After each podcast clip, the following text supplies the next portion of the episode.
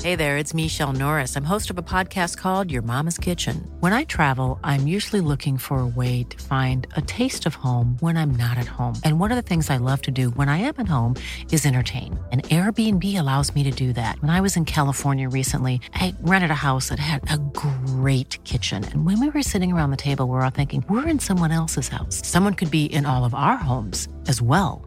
If you have a home, but you're not always at home, you have an Airbnb. Your home might be worth more than you think. Find out how much at airbnb.com/slash host.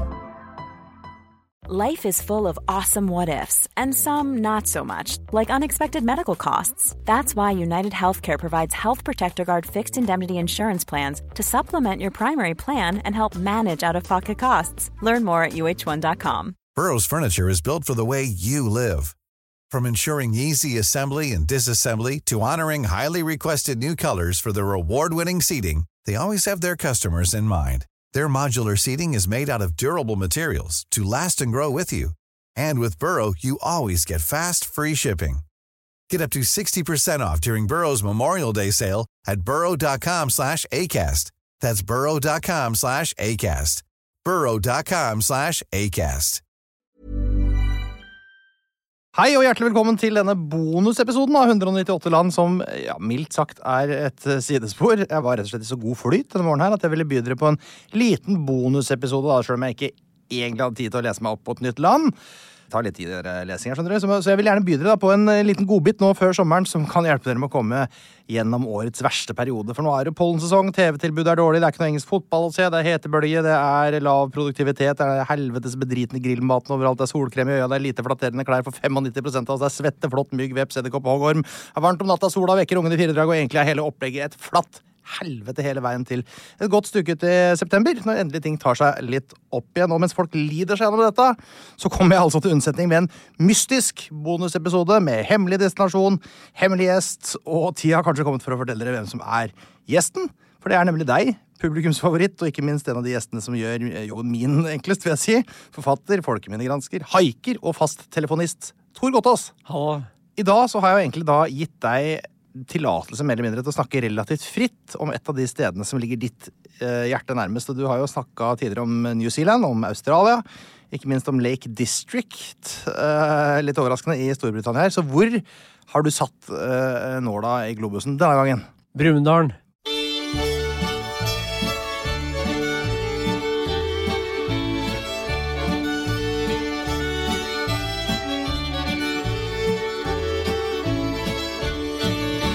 Brumunddalen, Brumunddal. Ja. Altså, Kan man fylle en hel time med stoff om Brumunddal? da? Ingen problem. Jeg skrev jo seks bøker om Brumunddal foreløpig. Jeg skal skrive mange flere. Foreløpig seks bøker. Ja, ja. Hva er det du liksom ikke har fått skrevet om da, føler du, når du har skrevet seks bøker om Brumunddal og fortsatt føler at det er noe som gjenstår? Har så vidt begynt å skrape i historien. Ja, det er- det er sant, Ja, ja. det. Ja, nettopp.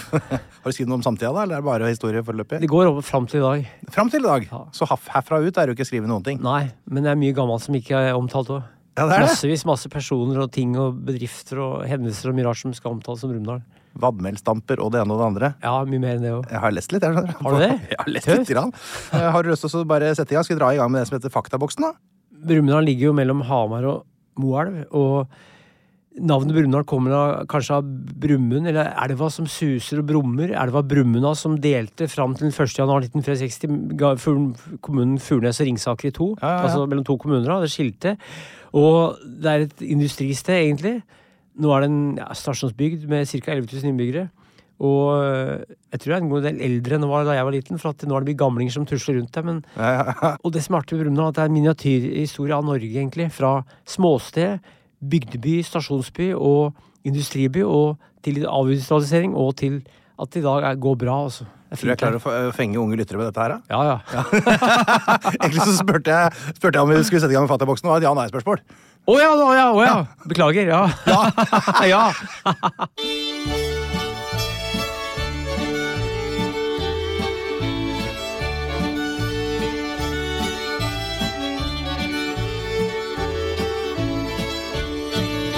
Ja, Hjertelig velkommen Tor, til Faktaboksen. Ja, Vi er jo eh, litt eh, annet oppsett. da. Vi kan ikke spørre om hovedstad og sånn denne gangen. Så jeg tenkte vi spør hvilken kommune ligger Brumunddal i. Ringsaker. Helt riktig. Ringsaker. Og hvilket fylke ligger det i? Ja? Jeg sier Hedmark og Oppland, men nå heter det Innlandet. Men gammelt var det Hedmark. Det er helt eh, riktig, selvfølgelig. Det var, ja, det heter jo Innlandet nå, det var, men det er altså Hedmark-delen av Innlandet, da, kan vi si, da, hvis vi skal dele opp i sånne Jeg syns Innlandet er et tulletland. Det skulle hete Hedmark og Oppland, eller Opplandene. Opplandene. Er det flere av dem? Nei, Opplandet er det gamle navnet på det o- overfor eh, rundt Mjøsa der. Så Ja. det kunne vært Opplandet. Innlandet syns jeg bare er tull. Det er flere hedmarker òg, er det ikke det? Det må jo være Jeg tror ikke det. er det bare én. Det var vel Hei- Heidemarkene, altså Heidenes mark, var det ikke det? Ja, nå spør du godt. Ja, Jeg har Stamme ikke- som bodde oppi der. Hedninger. Er det det er det, det kommer av? Jeg tror kanskje det. Ja, fader, det må det nesten være, ja. I hvert fall det var noe med stamme som het Heinen eller Hei- Heiden, Heiden ja, som bodde oppi der. Jeg har ikke liksom gjort den researchen, så jeg kan ikke stoppe deg. så jeg bare sier greit. Jeg er ikke helt sikker heller. Høyeste fjell i Ringsaker, da, hva tror du det er? Det har jeg aldri tenkt på, men det er Snørrvillen. Det er Tua. Tua, ja visst, Tua visste jeg for ja, visste Ja, gjorde jeg. Ja, 11 litt over 1100 meter. Det er litt under, men det er 1000, 1091, men Mm. klart hvis det er mye snø et år, så Jeg har vært der. Nei, så Har du vær oppe på toppen? Ja, ja. Ja, det er fint der, da. ja Fin utsikt. Ja. Men det ligger ikke direkte i Brumunddal. Nei, nei, ligger eh, innenfor, la- et stykke innafor Øyungen, inni Åsdalen, litt o- oppi der. Ja, nettopp. ja. Bo- Litt opp, overfor der jeg planter skau. Ja, For du driver og planter skau, du. Jeg har planter i juni og august-september. Planter en 40 000 i året ca. 40 000 trær. Ja. Hva, hva er det du gjør da? Det må jeg nesten... Stikker pinnene eller planten ned, og så går jeg videre. Ja. Så planter jeg en hel dag, og så planter jeg neste dag, og så planter jeg et par uker, så har jeg gjort så og så mange tusen. Går du noen år tilbake og ser på liksom tidligere Ja, hvert arbeid? eneste år. Hvert eneste Hvert år. eneste år, gjør du Ja, det? og Hvert eneste år så er jeg ute og løper og sykler rundt Brumunddal og ser på skogen jeg har planta. Ja. På 80-, 90- og 2000-tallet. Det er jævlig artig å se, og den største skogen er ganske diger nå. Altså. Den begynner å bli bra, den da. Ja, ikke høgstmoden, men ganske diger. Altså. Høgstmoden, altså at den kan hogges, ja. Ja. Nettopp. Ja. Tynnes. Må bare henge med på eh, stammespråket. Ja, ja. Det er jo, eh, for å bruke et eh, treffende ord. Eh, innbyggertall, Brumunddal. Jeg tipper 11 000 nå. Det tipper du godt i. Det er 11.127 på siste eh, jeg finner, i hvert fall. Da jeg vokste opp, så var det ca. 5000 på begynnelsen av 70-tallet. var det ca. 5000, lærte vi. Eh, Vil det si at det er en- rett og slett en, en by i vekst? Jeg tipper at antallet innbyggere har dobla seg på ca. 50 år. Men Er det innvandring, eller er det fordi at eh, folk eh, trives og eh, blir bo- værende i Brumunddal? Det er mange som har flytta dit fra andre steder i Ringsaker, og Ja. mange som har flyttet dit fordi de har flyttet fra andre steder i landet, og så er det noen innvandring, men mange har flytta, og for det er mange som flytter fra Brumunddal, så fly, bor de ute i 10-15 år, så flytter de tilbake for at de finnes det fins det å bo der de har vokst opp. Eh, største by i Ringsaker, selvfølgelig. Det er jo flere byer i Ringsaker kommune. da. Brumunddal Moelv. Helt Som ble by riktig. 1.10. 1. januar 2010. Riktig, begge to. Og Brumunddal er jo da sjette største by i Innlandet fylke, denne konstruksjonen som eh, ingen av oss anerkjenner noe videre. er Brumunddal et tettsted større eller mindre enn Norge? Det blir jo veldig vanskelig å f- følge malen til den vanlige Større eller fakta. mindre enn Norge? Det er jo åpenbart mindre, da. Mindre, ja. ja, ja. Det er 7,3 kvadratkilometer. Det ville jo ikke vært det minste landet i verden. Det er jo større enn Monaco, for eksempel. Da. Jeg har vært der i Monaco, ja. Du har vært i Monaco? Ja, Ja. ja. Haika dit. Det ser ikke helt for meg deg i Monaco, hvis jeg skal være helt Jeg, jeg gikk inn på, yacht, på yachtklubben på dassen der for å pisse, og så stjal jeg 30 franc. Som jeg brukte på å overnatte på et eh, ungdomsberge. Så jeg det lå mange hundre franc der, da, så jeg pissa, og så stjal jeg 30 franc i mynter.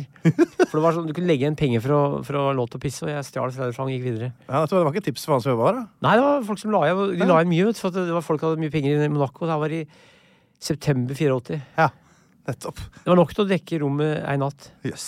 Jeg tenkte, Ja, du har historier fra overalt, du. Klengenavn på Brumunddal? Dala. Dala, ja. Er det noe man bruker, eller er det liksom Noen sier Dala om sentrum. Ja. Akkurat som de sier leire i Elverum, er jo sentrum leire, Mm. men, for det er gammel leir. Men Dala er noe som eh, Det ble også sagt Dala og Moelv, for at, at Modalen, altså Moelva, ja. eh, som er ei elv. Elva som Eh, går så, i så, dalen. no- så folk sier faktisk Dalen eller Dala om Moelv òg, men Ja. jeg sier Dalen jeg, om Brumunddal eller Dala. Ja. Ta en tur i dalen betyr å ta en tur til sentrum. ja. Ok. Ja. Skjønner. Så betyr det at folk bor litt oppe i fjellsiden og sånn, eller? Jeg er litt overfor, oppe i Nordåsen og litt rundt, så Dala er jo Brumunddal er jo en slags dal. Ja. Og, og, og dala er- betyr at det er, det er liksom nederst i Sjølve Ja, i dalen. dalen, ja. Dalen, ja. For det er bare en hokjønnsvariant av dalen. Ja, Liksom. blir det. Dala. ja. Største innsjø i eh, Brumunddal. Mjøsa. Det er Mjøsa. Lake Den er- Mjøsa. den er veldig grei. Lake Mjøsa, som det, Lake the Mjøs, som det Ja. heter på engelsk. Lengste elv. Brumunddal. Det er Brumunddal, og det er jo veldig greit. Den er altså 32,2 km lang. 38,3 hvis du regner med Brumundsjøens tilløp. Blir ofte kalt Brummundelva, men det offisielle navnet er Brumunddal. Ja. Elva som suser og brummer. Det er jo alle elver, det er jo ikke noe Ja, men spesielt. det er, det er mye stein der, vet du. Så det er, det er et eller annet spesielt bråk i Brumunddal. og Det var en kar som bodde i Brumunddal, på- vokste opp på 1850-60-tallet, som dro- dro til USA. Ja. Han skrev brev eh, om Brumunddal, oppveksten i Brumunddal, og han skrev at de trodde at det bodde vesener i elva. Å ja. Bråk om våren, da var det vesener som dukka opp. eh, Og den slags underjordiske hulder som bodde i vannet, altså. Sier det? Så elvesuset hadde en slags magi. For jeg har hørt at det lå er noe som heter Vetter litt lenger oppe langs E6 der, på et sted som heter Lillehammer. Der var det dukka opp masse Vetter i 8- 94 Ja, ja. under åpningsseremonien av OL. Jeg husker det. Det var jo et skuespill. Ja, det, ja, det var, var ikke ekte, det. Nei. Nei, riktig. Men det er, i hvert fall- så det er vel sikkert en del av den eh, lokale eh, folkloren der, det, da. Ja, men det som jeg s- nevnte nå, er det ingen som vet om, for Nei. han, han opplevde det på 1850-60-tallet. Har, har du ikke sagt det til noen? Jeg skrev det i bo- eh, en av bøkene mine, men, men han, han huska det fra oppveksten sin, så nå er det ingen som tror på det. Men Nei. det var noe folk trodde på for 150 år siden, at det var vetter i, i vannet. Akkurat som nøkken, så var det vesener som bråkte om våren, så bråket i vårflommen, det var da ekstra vesener i vannet. For da ble vannet fylt av ekstra vesener. Religion, har de det der borte? Hva er statsreligionen der borte? Det er- Eh, Der er kirke der. Det er det er kristendommen, da. Såkalt naustkirke. Naus. Naustkirke som er bygd som et naust. Å ja, ut mot Det- Mjøsa, liksom? Åpna i 1965 og kosta 1,8 millioner å bygge. Ganske billig da. For det, var, det var ikke kirke i Brumunddal før, for det var kirke i Veldre og kirke i Furnes, og så var det bedehus i Brumunddal. For det lå i to forskjellige kommuner ut, fram til 1.1.1964. Hva er forskjellen på bedehus og kjerke? Eh, jeg vet da faen hva bedehus er. Det er jo bedehus, altså kirke er kirke. Så er det sant, den. trenger ikke å være s- forskjell, men det kan være Det er kanskje ikke noen kj- prest tilknytta sjølve Nei, men i, i kirka så er det altså en fast prest. ja. Men den ble bygd i 65. Og så er det offisiell dialekt, da. Hva er det de har for noe der nede? Hedmarking. Det er vel egentlig det er liksom Prøysenland, er det ikke det? Altså, Elva og Brumunddal deler jo dialekt i- i to. For at i Furnes så sier de sten, ben og fete. På Veldresa sier de stein, bein og feite. Ja, det var Så- godt det var så- feite ditt, sa han. Jeg var veldig usikker på Så hvor det du er litt ville. forskjell, litt forskjell er det akkurat der på elva. Furnes, og I gamle dager, så hvis du gikk over fra Furnes til Veldre, var gutt, og så var det folk som banka det opp. Og Ja, for når du motsatt. sier altså, elva, for jeg har vært i Brumunddal, og jeg mener at elva går jo ganske midt i byen, gjør den ikke det? Ja, så Så det, det er var, på, altså, det er jo bare på, på andre sida av brua der. ja, det var delt i to kommuner fram til 1964. Ja, for, det er, jo- altså, for de som ikke har vært der, det er jo, det er jo helt vegg i vegg, liksom. Sentrum lå i to forskjellige kommuner. Ja, det er jo akkurat helt- som Budapest. Ja, ja, ja, ja, det er akkurat som Budapest! Ja, ja. Sier du det, ja? Så Det var fram til 64, og da ble kommunen slått sammen til Ringsaker. Det var Furnes, Nes og Ringsaker ble slått sammen til Ringsaker. Og da- elva delte Og og det er også litt forskjell på dialekter der. Og jeg gikk jo på skolen senere sammen med folk som var fra Furnes, og hørte forskjell på ord og forskjellige former. Furnes er det der de lager kumlokk. Ja, og det er For det er riktig. to logoer på dere. Den er i Stange kommune. Ja, Det er er det det? Ulefoss og Furnes. Ja, Ule, Ule, Ja, ja. og Furnes, ja. For alle som har kikka på kumlokk. Jeg har vært i Ulefoss og holdt foredrag, jeg. Er det det? Og jeg har vært, jeg har vært på Furnes Gjerdsøping og holdt foredrag. Ja. F- Dagen før Holmenkollrennet for noen år siden. Men Hva har du holdt foredrag om da? Langrenn. Om langrenn for jernstøperne? Ja, ja. Ja, jeg jeg er interessert i det, altså. Ja. Ja. Og jeg vet at Kristoffer Schau, han har jo har ikke han solgt noen kumlokk? da? Jo, Bandet The Dogs de har Ja, hatt ja. kumlokk som sånn eh, merch som du kan kjøpe på konserter. Koster 5000 per stykk. Dritbra. Du har fått f- et fullt kumlokk med logo på. Lagd på Fuglenes kjærestebrev, tror Ja, jeg. ja, ja, det er kjempe, kjempeavtale. Det er noe dere har hørt. Ja. Du, jeg, jeg så det var en kar eh, på YouTube som hadde lagt ut en video hvor han drar på noe helt enormt med dialekt da, for å vise særpreget med Ringsaker-dialekt. Så jeg tenkte vi kunne høre på den. Skal vi se Ja. om det er noe om det, du skjønner hva som blir sagt der? Ja. Ja, nå skal du høre, Ane, jeg kommer ut av jeg i duggurskvila en søkna sefta i før vi kunne høvle meg no frakt etter å ha viklet okle og skamfert elbågen da jeg ok på haursko på holken nedi gutun her. Vøli velter ut tyna, gitt, din venn min, hudde far min ifra Trevi. Men dette var jæla, han var gist inn i gomma, useil og unau, så vi vørte ikke han noe mer enn en kvekst i et kinglorvev. Hva med som ikke åkken suluhøll frivill den kroppen, sjøl om en vart hal i hundre før en hæle seg nedi og gikk under tæla og torv. Dette er en som heter eh, HC Medlien. Han kjenner jeg. Nei, kjenner du ja, jeg har det? vært besøkt den. jeg. Artig kar. Jævlig artig kar. Han har 92 følgere på YouTube. Han har et eh, fyrtårn. Altså tårn. Ja, har han det? Jævlig artig kar. Men hva, jeg skjønte, hva hva er dette med jula og noe som har slått seg på albuene? Skjønte alt han sa. Skjønte du alt han sa? Ja, jeg gjorde det. Hva er dette handla om? da? Altså, da måtte jeg oversatt eh, ord for ord. Ja, men Jæla må være jula, vel? Nei, altså måten. Er Ja, det måten? ja jævla. Altså, det er flere, men altså, da måtte jeg tatt ord for ord. Også, for at eh, det, Men dette var- er forståelig språk for deg. Ja, men det var jo overdrevent. Det er ingen som prater sånn i dag. Nei, nei. Men gamle folk gjør det, men han, han er en humorist, så han, han prater jo ganske mye sånn sjøl, men så la han til litt Å, men det er, jeg var fullt forståelig, dette her. Det var jo det, altså. Ja, ja. for det er ganske spektakulært. Det er ganske ute for et eh, sånn eh, sart osloøre. Det er gammel eh, dialekt som, på Hedmarken som fortsatt fins. Ja, ja, det lå noen hæl kau og flaut jævla jævla, som jeg pleier å si. Ja, ja. Som vi sier nede Vi hadde en i eh, Vestfold. sjef i skauen som het Harry Bysveen. Han var fra Romedal. Harry Bysveen. Harry Bysveen, og Han var født på 20-tallet, og han prata jævlig gammel romedøl. Ja. Og det var jo på 80- og 90-tallet, så han hadde òg en del ord som vi, vi aldri har hørt om, men de her, alle orda har jeg hørt, altså. Jeg sier det, altså. Ja, ja. Det er artig. Det er litt fun facts på dampen der. Da går vi videre til spalten Åssen er det der, da? Det er dritfint. Ja, men det har jo ikke satt i gang spalten ennå. Nei.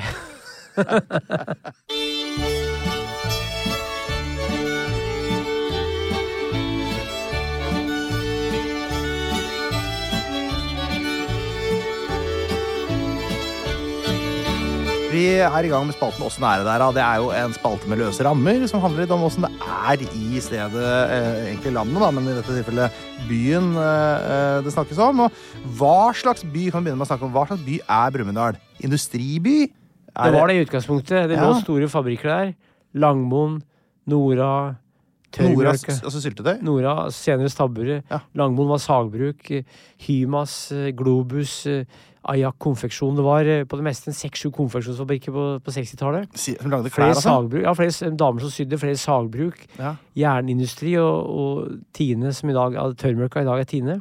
Så det er, det er en, en del i lokalindustri som er knytta til primærnæringen. Mm. For Ringsaker var på et tidspunkt tror jeg, Norges største landbrukskommune. Ja. Nå er det mange som er slått sammen, så det er ikke størst nå. Men det var mye landbruksbasert industri med sagbruk, eller primærnæring, altså. Ja. Det er jo en tid som Norge på en måte kanskje har gått litt ut av igjen. Ja. Altså hvor, eh, hvor, hvor, hvor masse folk som jobber på forskjellige fabrikker rundt Der eh, begynte avinvesteringa rundt 87, for det var mekanisering. Norske Skog kjøpte Langmoen. Det Ja. ble delvis, eh, nå er det fortsatt noen som jobber på Langmoen, men det er kanskje en 70-80-90 mann. Men det var jo 800-900 på det meste. Ja. Så det er noe med at eh, speiler historien i Norge hvor de siste 35 åra eh, har det blitt avindustrisering og Mm. færre jobber i industrien, for at det er mer mekanisering. Det er mer tjenesteytende næring og mer Asko er for eksempel stort der. Ja. eh, Og Tine det er jo sentralisert. eh, Så det er store bedrifter som har lagt store anlegg til Brumunddal. De er vel fortsatt største industriarbeidsgiveren, eh, Tine der. De har jo da, som det står på nettsida til eh, Tine, så står det at meieriet i Brumunddal de driver produksjon av Litago-drikker, Yt-produkter, Kos-desserter, skolemelk, hverand- smaksatt melk, eh, kaffe Det er sånn kosemat! De lager Ja. der borte alt det som er sånn derre eh, softiskrem og alt det greiene der. Mm. Jeg kaller det tørrmjølka, for i gamle dager lagde de tørrmjølk. Så det, det? det ble kalt tørrmjølka. De mjølka tørt der, sa vi. Altså, mjølka tørt. Ja, de ga, bare, ga ikke kunden noe vann. Nei, bare, bare tørrmjølk. Ja. Det er Eh, en potetmjølfabrikk som er anlagt eh, før 1910, som fortsatt er i drift. Potetmelfabrikk. Vi lager potetmjøl, da. Det er Ja. anlagt, eh, så, så det er fortsatt en del industri her, men det er ikke så mange s- så, så jævla store. Nei. Mye smått. Så, Jeg husker for, Det går bra. eh, for mange år siden, eller mange år siden er det jo ikke, men da jeg var relativt eh, i tenåra et eller annet sted, så var det P3 hadde en sånn hvor man kunne sende inn hva sin sommerjobb var, som om å ha den kjedeligste jobben. Og det jobber på potetmelfabrikk. Det syns jeg hørtes ut som en god kandidat.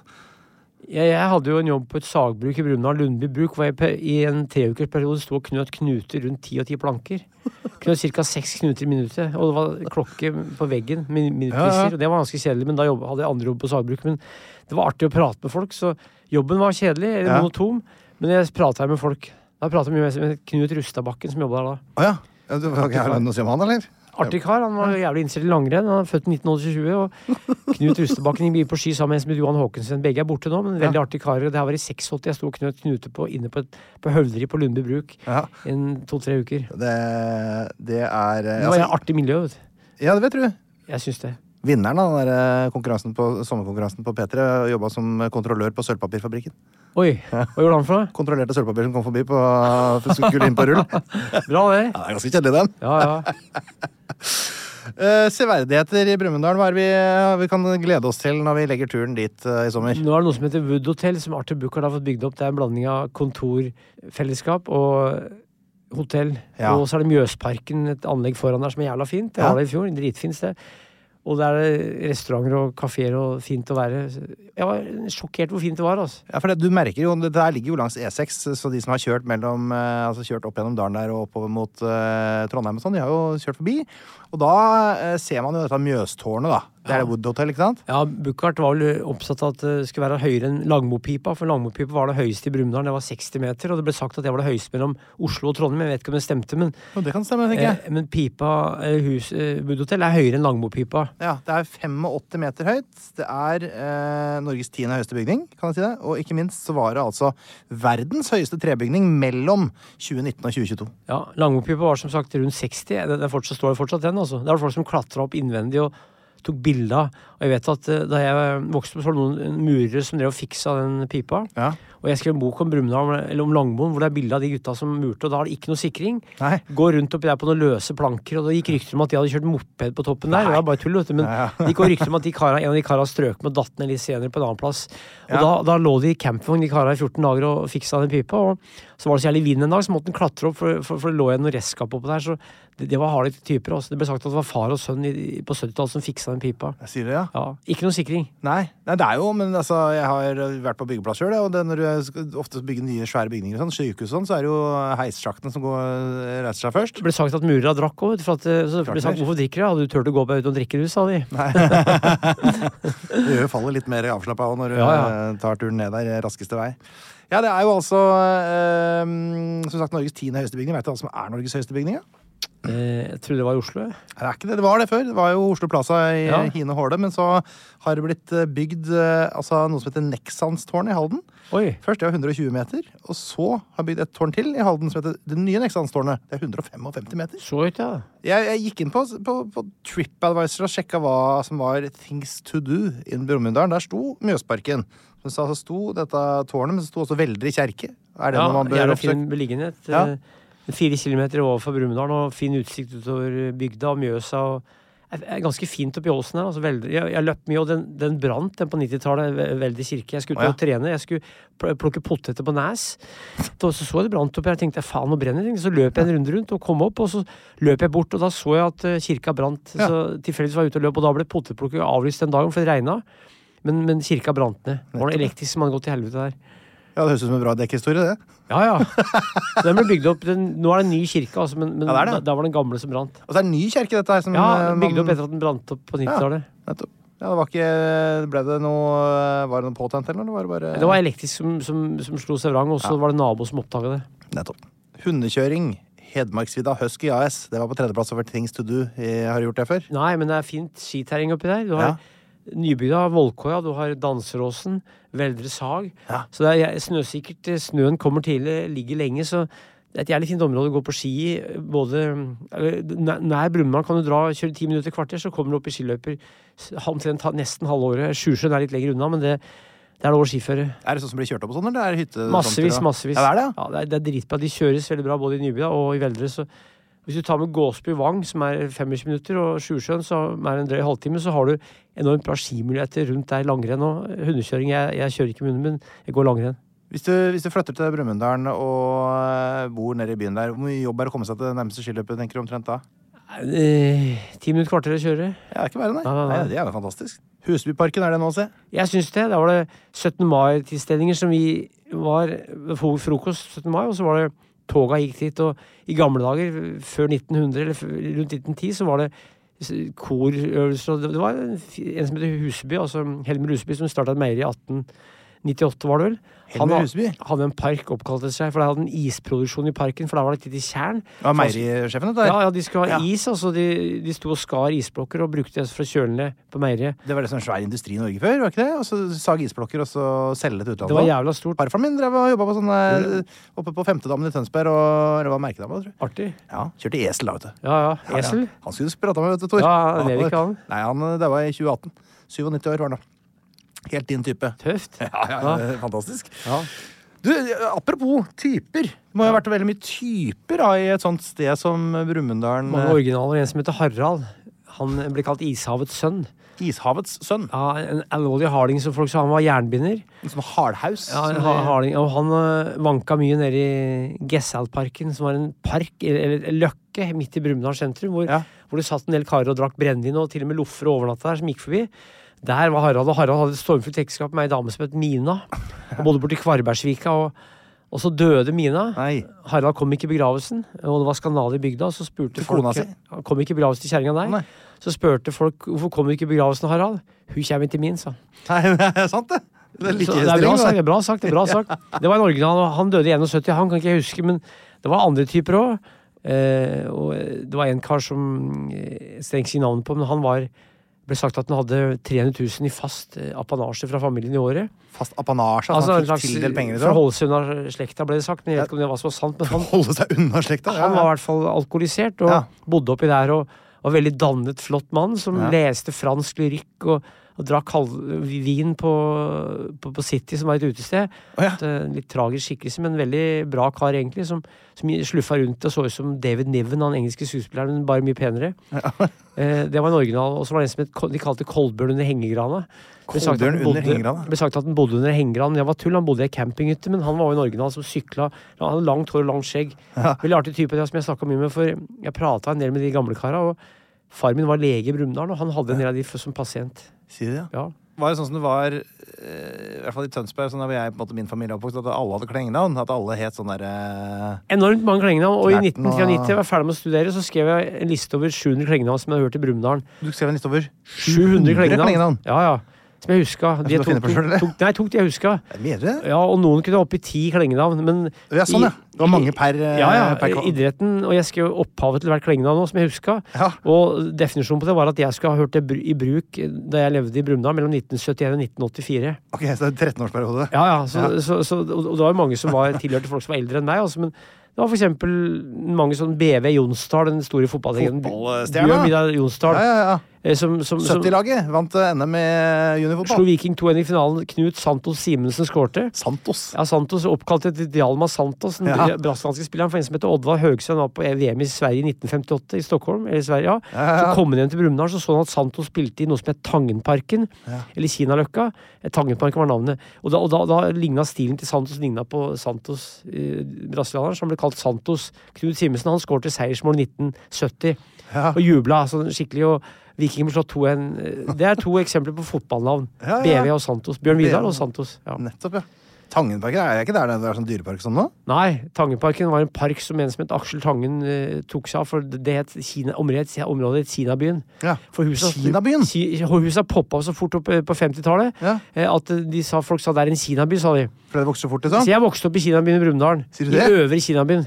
Øvre Kina? Ja, Øvre Kinabyen. Nei, sier Det var du det? nedre Øvre Kinabyen. Jøss. Og så også noe som het Balkan. Der var det mye bråk. Det var Ja. lenger i Pelleviken. Det Ja, er ikke ja. Balkan. Og så var det Kinabyen. Jeg vokste opp i Kinabyen. Så det var, da jeg vokste opp, var det kriger med Kinabyen mot Breskerud. Herregud. Så da samla gutta fra Kinabyen seg, og en 30-40 stykker, og skulle krige mot gutta nede i Breskerud. Og da ble de jagd hjem, de Breskerud-gutta. og Da var det noen som kasta egg i, i trynet på en husmor. Så ble det noe sak med politiet, tror jeg. Et eller annet sånt. Det var Kinabyen mot Breskerud. Det var kriger, vet du. Og kriger mellom Brum, Bru- Furnes og Veldre med Brumundelva. Da lå de kriga og kasta stein over elva. Ja. Og så var det noe som het Tarzanøya i midten. Der tok de fanger. At det var- De skulle, noe som het Tarzanøya. Tarsanøya? Eh, Ei øy de skulle erobre. Det var Tarzanøya. Ok. Så det gjaldt å krige om Tarzanøya, sånn som på cowboyfilm. Og så, så, så kasta de steiner over elva, og da var det de minste som supplerte de eldste med steiner. Så de Smågutta henta stein, og gu- storegutta kasta stein. Ja. Over elva, over Brumna. Det var, her var på 40- og 50-tallet. Ja, jøss navn. Men jeg jo- var med på en, en, en krig i ca. 73. Ja. Så hadde jeg et rop, et spesielt rop, som skulle si at Åh, Nei, ja. nei sånn var det.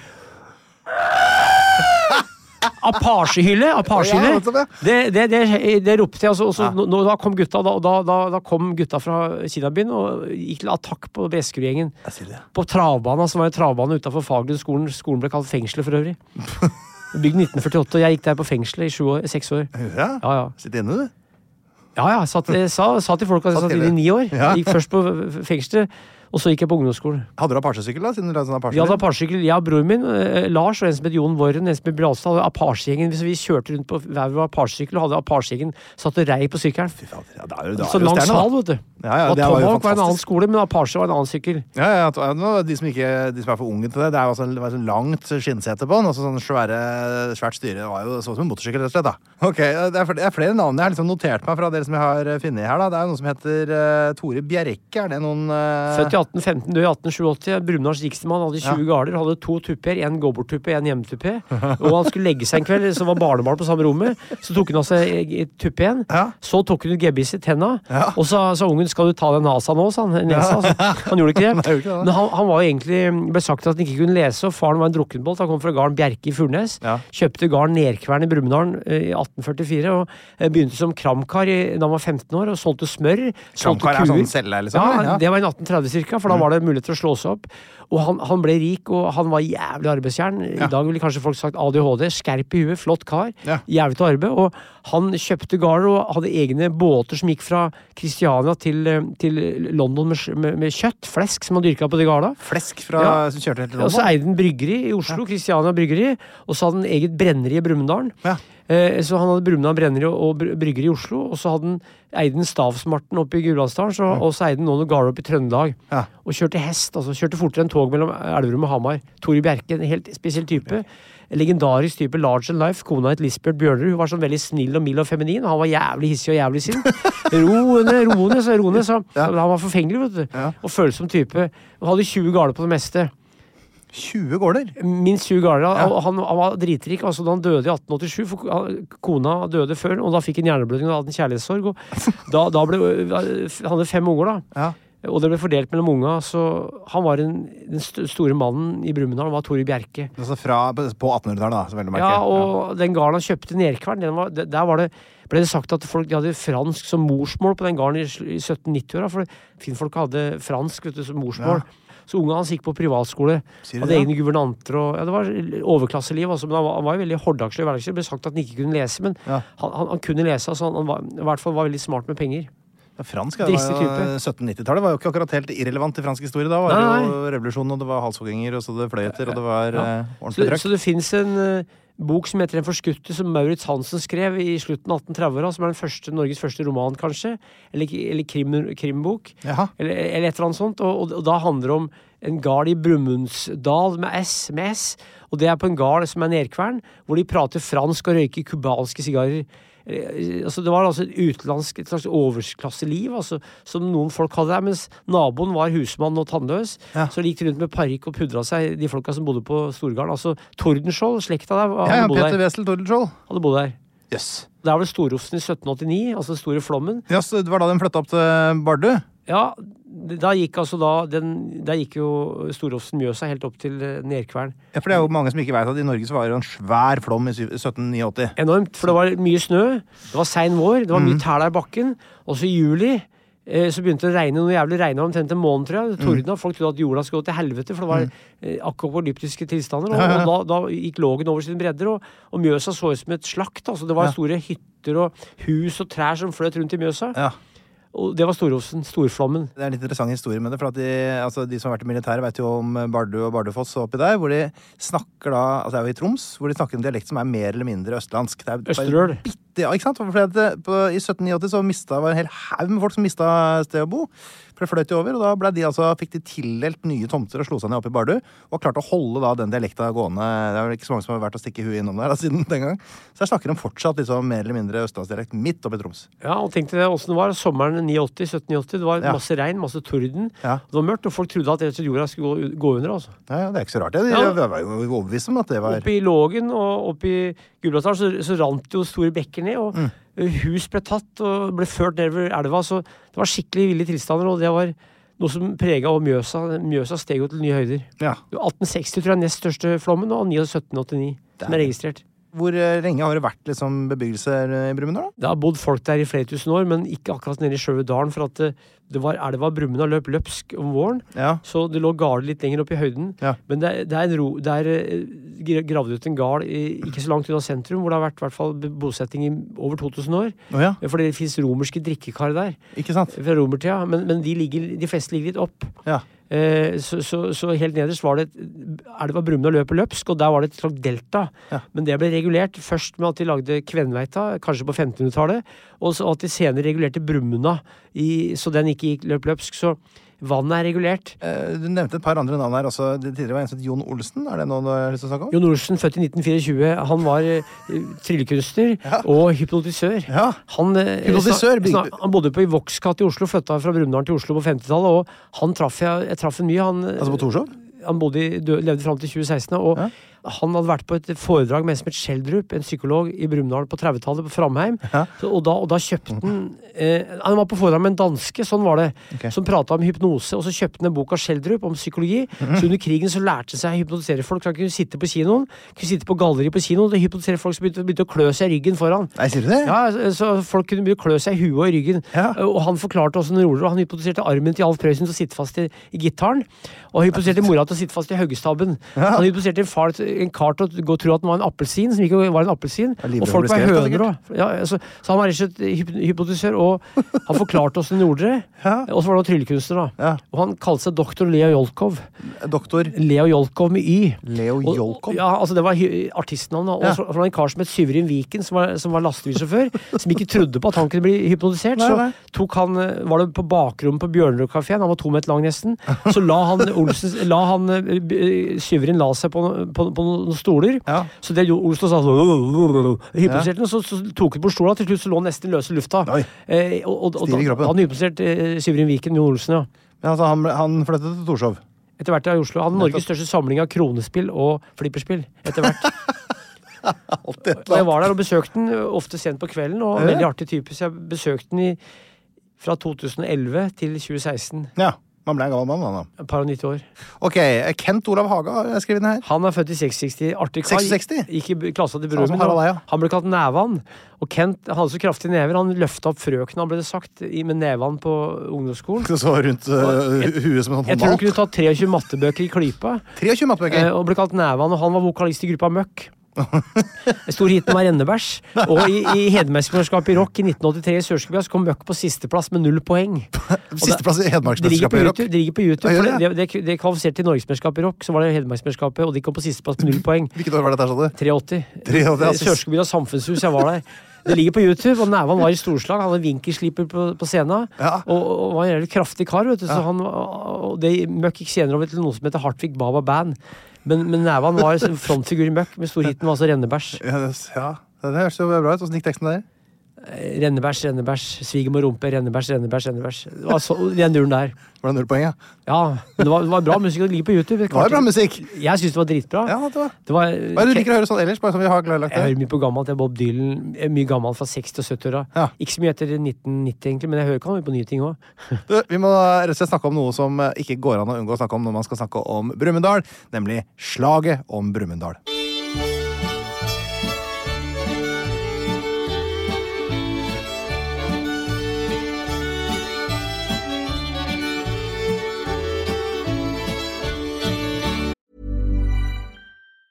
Mom deserves the best, and there's no better place to shop for Mother's Day than Whole Foods Market. They're your destination for unbeatable savings, from premium gifts to show-stopping flowers and irresistible desserts. Start by saving 33% with Prime on all body care and candles. Then get a 15-stem bunch of tulips for just $9.99 each with Prime. Round out Mom's menu with festive rosé, irresistible berry chantilly cake, and more special treats. Come celebrate Mother's Day at Whole Foods Market. Hey, I'm Ryan Reynolds. At Mint Mobile, we like to do the opposite of what Big Wireless does. They charge you a lot, we charge you a little. So naturally, when they announced they'd be raising their prices due to inflation, we decided to deflate our prices due to not hating you.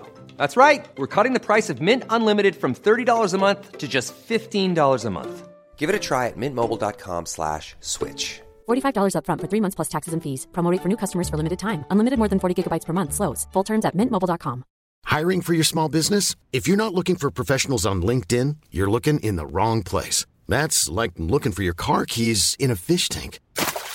LinkedIn helps you hire professionals you can't find anywhere else, even those who aren't actively searching for a new job but might be open to the perfect role. In a given month, over 70% of LinkedIn users don't even visit other leading job sites. So start looking in the right place. With LinkedIn, you can hire professionals like a professional. Post your free job on linkedin.com/people slash people today.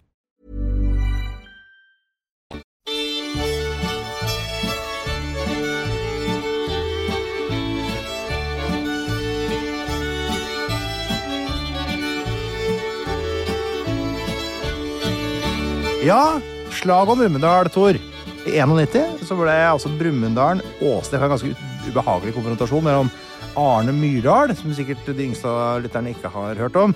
Eh, Han var jo da eh, stifta noe som het eh, Folkebevegelsen mot innvandring, FMI. Eh, De var kjent for å ha sånne store samlinger og eh, holde appeller. eh, eh, Og så ble det da selvfølgelig motdemonstrasjoner. Og så var det noe som het eh, altså antirasistiske grupper, det var jo Blitz og sånn sikkert inn der òg. Og de møttes av en av grunnen i Brumunddal i 91. Husker du forspillet og, og hva som var liksom En lang historie, men det var noen episoder i Brumunddal med vietnamesere og med innvandrere. Og Det Ja. var et miljø på noe som het Mobiltomta. Et tomt rundt mobil.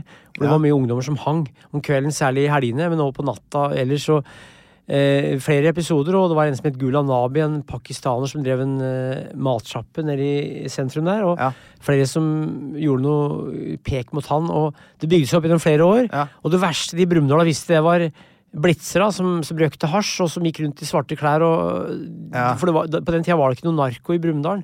Nei, Og ikke For, sant. for, for Brumunddal da, for den gjengen, så var eh, blitza det var hasj og narko og storbyliv. Ja, for hva slags folk var Det, det, det, Brumunddal-folka, det, da? var, det var jo noen Brumunddøl som var med Myrdal, og så var det noen som kom utafra. Så det var noen som kom fra både her og der. Ja. Og Myrdal fant sjelefrender, han var jo en del eldre, fant unge sjelefrender i Brumunddal. Ja, og han var en mann over 60-åra. Han var godt voksen, var fra Arendal. liksom- Ja. Eh, Og han fant et lite miljø der. Det var ikke så mange som var tilhengere av, men da vi kommer til eh, slutten av august 91, så Jeg lå for øvrig på, på, på rommet Ja, for du var i Brumunddal, da? ja, men jeg, jeg hadde kjørt av på sykkel. eh, Det var, så jeg hadde brudd på hjerneskallen. Lå, lå, i- lå inne i, i rommet til broren min. Jeg hørte bråket. hjerneskallen? Ja, ja, jeg kjørte av på sykkel eh, 26. august 1991. Apache-sykkel? Nei, en eh, terrengsykkel på Sogn studentby. Slo huet under i asfalten og Nei, i overlevde. Oslo? Ja, jeg overlevde. Jeg skulle trille 50 meter Jeg og slo vet at huet i du asfalten. overlevde, det vet jeg, da. Ja, ja, det ser jeg her. Mm, Så jeg, så jeg, jeg var ikke der da, men jeg lå og hørte bråket. øh, Og det var jo, forspillet var jo at eh, FMI skulle ha møte i Brumunddal og skulle Blitza motdemonstrere. Ja. Mm. Så det var egentlig by mot bygd, eh, og det var mange som kom og var irritert på det her. og det eskalerte jo noe jævlig, Mm. men i det blitzmiljøet så var det mange bygdehus i Stein Lillevold, for eksempel. Han var jo fra Gausdal. Stein Lindvold, altså. Bare venstre-radikal eh, litt Noen mente langhåra han var en type. yrke... Han, han var vel han er født i 58, tror jeg. Noen mente at han var en yrkesdemonstrant. Nå tror jeg han bor i København. Sikkert en ålreit kar, altså, men jeg, sier ikke- jeg vet ikke om han var med der da, men han var en lederskiks da i Blitz-miljøet. Yrkesdemonstrant, det Det tror ble sagt, jeg. det ble sagt. Men uansett så var det, var det det var jo helt spesielt det der, og da var det opprydning etter det. Ja, for det var gateslag. Det var var jo gate- eller folk gateslag, flyr ja. rundt og slåss, og det er Men, eh, men, men i april 1991 så hadde Vetle Lid Larsen i Aftenposten journalisten vært i Brumunddal og skrev en artikkel som sto 'Brumunddal stedet der Gud glemte'. Ja. Så en stor papirartikkel i Aftenposten hadde jævlig stor slagkraft. Ja. Og så var det en del episoder, gjentatte episoder. Det var noen som fant noen s- tegn som det sto KKK. Ja. Og det var egentlig kanskje Kaffeknikk-klubben, men det ble tolka som Ku Klux Klan. Ja, ja, ja, og mange av de gutta som var med i miljøet, likte jo å kødde, sånn at det- det kom overskrifter i avisa.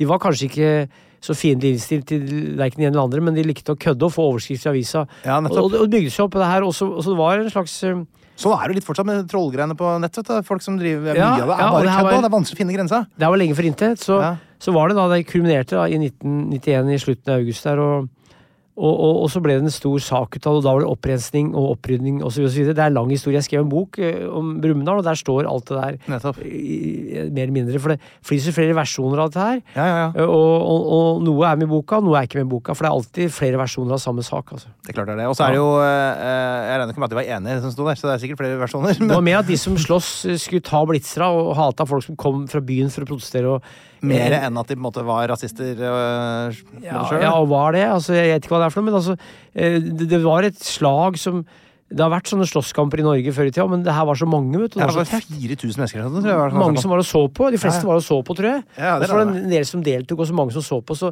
jeg pratet med flere som var der, og de, de var mer tilskuere og passive tilskuere. Men så var noen sikkert mannfolk som som gikk i bresjen og så sloss og ble sinte, og så var det massesuggesjon. Og, og så løp de helt løpsk, altså. Det var vanskelig å forklare, men det er en, sl- det er, men noe- det er, man har en slags dragning mot eh, å være litt tett på. Jeg var på en studentdemonstrasjon i 94 i byen, og da ble jeg skremt, for da så jeg damer som gikk nesten amok. Da var det Gudmund, jeg mener det var 94, rundt der. For da var det, da var det fj- Hernes skal fjernes, var det da. Ja, det husker jeg! Herne skal fjernes, det er Reform 94. Og, og, og da var jeg der, og da ble jeg skremt, for jeg så hvordan folk hissa seg opp. Så Ja. Jeg, det var i Studentlund i Oslo. Ja, ja, ja. Jeg kom tilfeldigvis forbi på Karl Johan med sykkel, så jeg stakk unna, for det syntes jeg var skummelt. Altså. Ja. Jeg har vært på konserter blant annet i Australia, på Bruce Springsteen i 1985, hvor jeg har sett hvordan massesuggesjon har gjort at folk blir, massen blir gærne. Altså. Ja, Mm. ja, ja. Og det var det sikkert som skjedde oppi der da, uten at jeg kan forklare det. Eh, og så hadde du i tillegg en synlig fiende. Mm. Og så var det det at det var en, det er noen som liker å ha bråk, det er alltid noen slåsskjemper. Mm. Og slåss på lokalet var jo noe som ble gjort hver eneste helg over hele Norge, da på den, fortsatt på den tida der. Ja, ja, I ja. Mm. dag så kriger jo gutter på datamaskiner, så gutter i dag har jo overført aggresjon og kriging til datamaskinen og dataspill. Men det fantes ikke noe særlig da. Så det var den gamle slåssmentaliteten med at du skulle ta rotta på de som kom utafra. Mm. Hadde ikke noe her å gjøre, hvis du skjønner. Jage de, altså. Mange som syns det sikkert det er artig òg, og, og det ble en stor eh, situasjon som ingen kunne forutsi. Det er noe av det, det samme du kan se litt i fotball også, er det dette eh, casual-fenomenet der, hvor Ja. eh, folk ofte i veldig pene klær, eh, som eh, møtes for å slåss i forbindelse med fotballkamper. Og det er stort sett mannfolk som liker det, er ikke det? Det- Altså, det er, jeg har aldri hørt om ett kvinnfolk som Nei, og Hvis du har går vært til interessert. eh, historien, så ser du at mannfolk har kriga sannsynligvis til alle tider. Det vil jeg tro. Ja, for Jeg har sett bilder av de der bråk i Brumunddal fra BITS-sakene, og da var det mest menn og gutter i, i bresjen her, og kanskje noen damer som var litt bak. altså. Det er noe, har noe med testosteron å gjøre. Jeg tror det. at er eh, et eller annet sted inni der. Men uansett, det her er jo noe som det fins egne podkaster om. eh, Slaget i Brumunddal. Det er jo en- eh, Hele historien på NRK er jo blant annet lagd der. Vet. Da fant jeg ut at hun Fung, eh, fra, som har vært programleder på NRK, og som har eh, eh, vært med i eh, gruppa Cape, for de som husker den. De, de, hun var jo en av de på en måte, som da ble utsatt for mye av dette greiene her, da. Mm.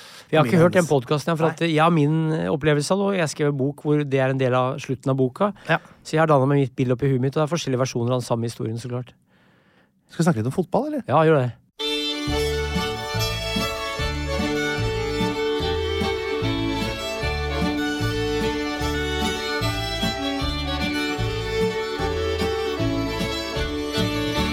Fotball er jo kanskje ikke noe Brumunddal er sånn superkjent for, men eh, som du brenner litt grann for, eller? Jeg skrev en bok om f- fotballen i Brumunddal i 2001. Skrev du bok om fotball i Brumunddal? De fylte, Tottenham? I 1905 kom fotballen til bygda, så det fylte 100 år i 2005. Men jeg skrev boka som kom ut i 2001, for jeg orka ikke å vente. mange bøker har du skrevet nå? nå må jeg- men nesten, 45. 45, ja. Jeg lager to nå, to-tre som Men kommer. 45, det er veldig rart at du får plass til gjennom fotball i Brumunddal. Ingen problem. Det var en av de første jeg skrev, og en av de artigste jeg skrev. For at Ok. det var stor interesse, og det er 75 da jeg var 10 år. Ja. Mhm. Så var det ca. 5000 innbyggere i Brumunddal, og, og 2500 i snitt på kampa det året. hjemmekampa. De spilte i gamle nivå 2, Ja. eh, og, og var av de bedre laga i nivå 2 en periode der. Ja. Enorm interesse med typer som Bjørn Vidar Jonsdal BV, Santos, eh, Rune Melgavis Harald Rune Berg- Melgaard, er det faren til Alexander Melgaard? Det er onkelen. Som spiller på HamKam? Onkelen. Onkelen. Onkelen, ja. ja. Faren hans er en som heter Allan Andreassen, og mora heter Solveig. Hun er søster til Rune. Så Ja. Alexander er eh, onkelungen. Melgaard, er det, er det, er det navnet Er er du det fra litauisk ut, liksom? l- Noe sånn sånt litauende? Ja, ja, for det er ikke et lokalt navn. Nei, nei, nei, det Nei, er, nei. det er faren. Faren kom til Norge etter krigen, og faren var Ja, en sikkert litauer, artig vet kar. du. Ja. Ja. F- Altså far til Rune, da. Ja, Bestefar ja, jeg til skjønner. Alexander, ja. Ja, ja. ja, ja, nettopp. Ja, Vi heter ikke Rune borti Litauen, vet du. Nei, nei, nei, nei, nei. Rune spilte på Brumunddal. Han var god, han var rødt hår og jævlig god spiller. Så de hadde mange typer. Og kom du på A-laget, Spiller med det har rødt hår. Å, ko- jævla. kom du på A-laget, så var du sikra. Ja. Og var du på A-laget, så var du Sikra he- hvordan da? Nei, du fikk jobb og Å, ja. du, altså, det var, i hvert fall, Kom du på A-laget, så var du, var du lokal helt. Ok. Og var du lokalhelt, så hadde du bra så lenge du holdt deg der. Så det var enorm fotballinteresse, og det her var jo tippekampen hadde begynt. Men sånn jeg husker på 70-tallet, var det det, det å bare å prate med en A-lagsspiller var stort. Altså. Så jeg Ja. var jo på trening og var på kamper og Nei, Det var stort, husker jeg. Jeg husker en gang BV, han var skada, så kom han hjem til oss. For, eh, så, så, så Santos bodde i leiligheten hos oss. Ja, Bjørn Vidar Jonsdal. Ja, det var, han, var, han var en gud, altså. Da, Ja. For Han oss lever. gutt- Ja, ja, han er, er litt over 70 år. Ja. En Veldig artig kar. Og Santos og så, så BV regnes for å være den største, kanskje, legenden der. Men spør jeg, Dro han til andre klubber og sånn? Han eller var det spilte bare- litt i HamKam, men han trives best i Brumunddal. Og så var han på Største legenden spilte litt i ja, han, HamKam. han ville, han trives, trives ikke i HamKam. Trives ikke i HamKam. Jeg synes- trodde du skulle si at han spilte i Chelsea eller noe. han, Nei. han spilte, Litt i han, spilte, HamKam. han var på juniorlandslaget. Å, ja, ok. Og han var på presselandslaget, som var et landslag som pressen valgte. Å ja. Sammen med Tom Lund var han på presselandslaget. Å ja, sånn, da ja. var han i det yngste på presselandslaget. Nettopp. Sammen med Toro Johansen og, og, og, og Tom Lund. Ok. Så BV han, han var god, men Ja. han holdt seg i Brumunddal, og det kunne sikkert bli bedre hvis han spilte i andre klubber, men han forble lokal. Og det var noe artig, var at mange av de som var i klubben, var jo lokale. Ja, ja, ja. Og det var, ga jo en økt økt patriotisme. Nettopp. Men det var en som het Peder Simensen som spilte i 50-åra, og en jævlig god kar som fikk tilbud om Skeid, men han også ble oppi der. Han ville holde seg. En som het eh, eh, Romskau, han spilte, Steiner Romskau spilte på Skeid, så han fikk vel en U-landskamp. Så, og så var det en som het Egil Hovde som gikk over til Moss, så noen, gikk, noen flytta ut. eh, men de fleste, mange av de gode ble igjen, og da ble de ikke, kanskje ikke så bedre, men de var i hvert fall gode på hjemmebane. Men jeg har jo gjort litt grann research her, og det har jo en som spiller der nå, som heter Henrik Lene Olsen. Ja, han er fra Moelv. Ja, han er jo broren til Thomas Lene Olsen, som Ja. spiller på Lilla... Altså, Ja, Henrik er Lillestrøm. bror til Thomas. Ja, de, Ja. de er fra Moelv. de er fra Så han Moelv. spiller på Brumunddal nå. Ja. Eh, Thomas Lene Olsen har spilt på Moelven, så Ja, ja. det er, det er det fiendelag, eller? Er det, liksom- Det var det fra gammelt av. Ja. Så det var aldri en spiller fra Moelv som gikk til Brumunddal og motsatt. Nei, så det er noe nytt. Og Særlig på og- 50- jåleri. og 60-tallet var det fiendskap. Ja. Jeg vet ikke om det er sånn i dag, men det var det i gamle dager. Det virker jo ikke sånn når han eh, Lene Olsen spiller på Brumunddal, da. Jo, men, men, men eh, far til faren hans spilte jo på Moelv, og mora spilte på Ringsaker, så så, så, så jeg tror ikke det er så ille i dag, altså, men det var, i gamle dager var det skikkelig rivalisering der altså, mellom Brumunddal og Moelv. Nettopp. Eh, altså, Og så har, du- har du to andre som er, en som heter Vemund Brekke Skard. Han var proff i Ipswich, og så var han proff i Ipswich, Spania. Han gikk fra Brumunddal til Ipswich. Han gjorde det. og da var Ipswich på andre nivå i England. Nå er de Ja. på, ja, nå har de rykka opp til andre igjen. da. De har akkurat rykka opp igjen, de, faktisk. Ja. Det er jo virkelig en prestasjon. Og har så spilte han i du- Spania etterpå. Proff i Spania etterpå. ja, i, Hvilket nivå, husker du det? Jeg tror kanskje nivå to, men jeg er ikke sikker. Altså, men han i hvert fall var i Ipswich, og så var han i Spania etterpå, sånn som jeg vet. Nettopp. Og så har vi da en som, heter, ho- eh, som er hovedtrener eh, på Brumunddal nå, Jarl André Storbekk. Han er fra Trysil. Han er jo trener for Brumunddal, og Ja. han har jo 17 landskamp for Norge. Han er en bra trener. Ja, Jeg er på kamper av og til, altså. Er det det? Ja, jeg syns det er artig å følge med lokalt. På Jeg, Sveum? jeg svever med, og eh, i fjor var jeg på da de spilte mot Vålerenga, nesten slo Vålerenga i cupen. Det var jævlig moro. Ja. Så da sto jeg bakerst, så jeg, Hvis jeg er der, så stikker jeg på kamper. På he- A-lagskamper for menn, altså. Jeg jeg heier på FK Eik Tønsberg, jeg, da. Og de er jo eh, tredjedivisjon, fjerde nivå. De slo Vålerenga, de. Tøft. De hadde 3-0 til pause i Tøft. 2010. Ja. De gikk videre, så spilte vi bortekamp mot Stabæk. Slo dem òg, gitt. Jeg, Telenor jeg, Arena. husker jeg faktisk. Ja, husker jeg. ja, jeg var der, jeg. Artig. Ja, veldig gøy. Og så var, eh, møtte vi Follo med rosa drakter i semifinalen. Da var det rett ut. Ja. Eller det var kanskje Storhetsperioden her til- til herrelaget var på, på, på 70- og 80-tallet. Ja. Eh, da lå de på nivå to noen sesonger og enorm interesse lokalt. Og som jeg sa, 2500 i snitt på kamper i 75. Da, det er halve bygda som var Det var et sånn kollektivt stønn. Hvis, hvis det var mål, så var det sånn «Åh!» Nesten mål. «Åh!» Så det var, det var, du hørte at det var kamp, altså. ja, så gøy, da. Ja. Det hadde vært imponerende hvis det var 370 000 på kamp i Oslo, f.eks. Halve befolkningen, ja. sånn Sammenligning. ja. Andre kjente personer fra Brumunddal, det kan jo ta en liten gjeng. Det er jo Ole Ellefsæter, da. Han er fra Nybygda, men sogna til Brumunddal. Gikk Å, bort i unnskyld. fjor. Så han er fra Nybygda, men åtte kilometer. Men han, Åtte kilometer unna. han gitt. sogna til Brumunddal, og du har jo For de som ikke er så kjent med Ole Elvesæter, altså, det er- det er langrenn. Han vant femmila i OL i Mhm. 1968, mm. i 1971, første nordmann som vant Vasaloppet, og hadde Ekeberg skjærespis som var en god skiløper og god sanger. Og ikke hver skjærepris, den går til De som er gode om sommeren og vinteren, eller flere idrettsgrener. to idrettsgrener. Ja, utmerket seg Ja. spesielt. Ja. Norsk mester i frihet og i langrenn. ja, fantastisk. Så har du Geir Lystrup, da. Musiker. Eh, Visesanger. Barnebarn til eh, Berge Langmoen, faktisk.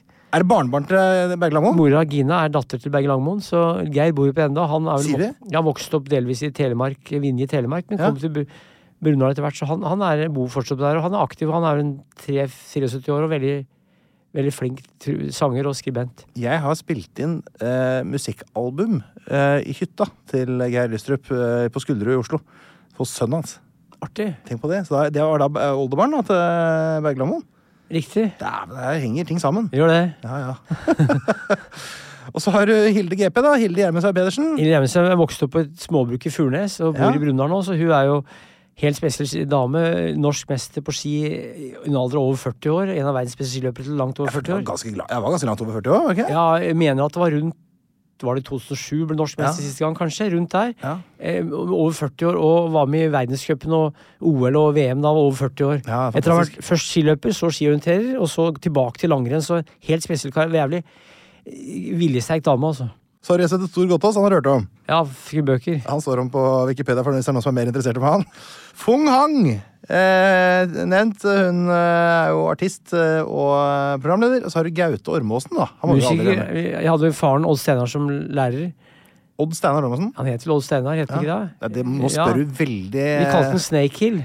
Vi kalte den Snake Hill. Orm- Ormåsen, Ormåsen, ja. ja. Og, og Gaute ble født mens jeg hadde Ormåsen. Jeg mener at Gaute er født i 83, og jeg hadde stemmer. Ormåsen som klassestyrer eh, på videregående. Så veldig artig kar. Han, Faren Gaute har jeg hilst på noen ganger. Men han er musiker, og han bor vel i Oslo, men er vokst opp i Brumunddal. Det tror jeg skal stemme. sånn cirka Kjærlighet er mer enn forelskelse, var det han sang så vakkert, eh, våre hører.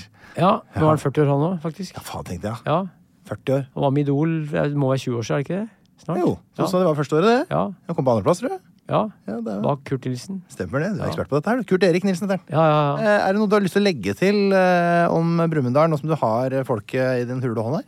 Det ligger jo langs E6, og hvis du kjører forbi E6, så virker det ganske stusslig, men hvis du stopper i Brumunddal, så ser du at det er finere enn det ser ut som fra avstand, eller fra E6-en. Og det er veldig fint rundt der.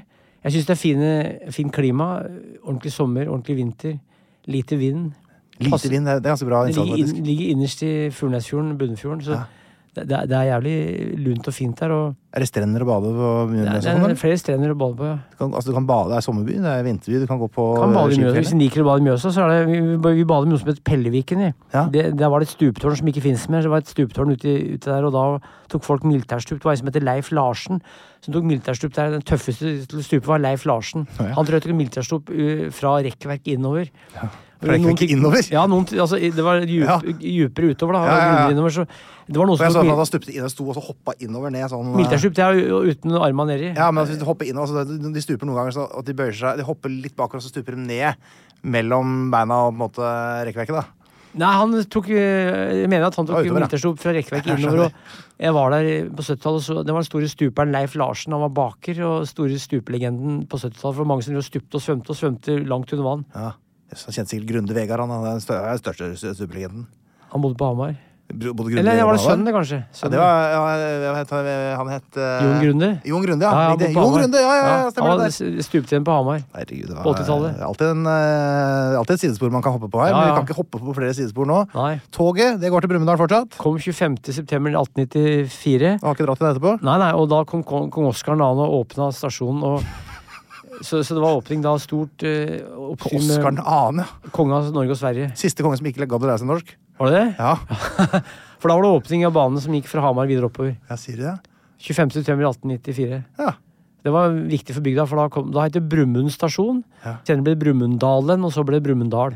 Har det blitt noe snakk om eh, Brødrene Dal der? Med Ja, Brumund? mye, mye. Gaus, Ros og Brumunddal. Så Ja. en periode på Kringsjå så bodde jeg på en gang hvor det var ei dame som hadde en far fra Gausdal. Mm. Og så var det en gutt fra Romsdal, så var Gaus, Roms og Brumunddal som bodde på samme gang. sier du det? Det var eh, på- på 80-tallet, ja. Yes. Gaus, Ros og Brumunddal. Artig. Ja. Det var vel eh, kanskje det siste vi rakk i dag. da. Det kan godt ha vært det, altså. Ja. Hva sier vi for noe da? da? Nei, jeg vet ikke. Takk for i dag. I like måte. Så ønsker vi alle en riktig god tur til Brumunddal i sommer. God tur. Takk skal du ha. Plan B. Mom deserves the best, and there's no better place to shop for Mother's Day than Whole Foods Market. They're your destination for unbeatable savings, from premium gifts to show-stopping flowers and irresistible desserts. Start by saving 33% with Prime on all body care and candles. Then get a 15-stem bunch of tulips for just $9.99 each with Prime. Round out Mom's menu with festive rosé, irresistible berry chantilly cake, and more special treats. Come celebrate Mother's Day at Whole Foods Market. Hey, it's Danny Pellegrino from Everything Iconic.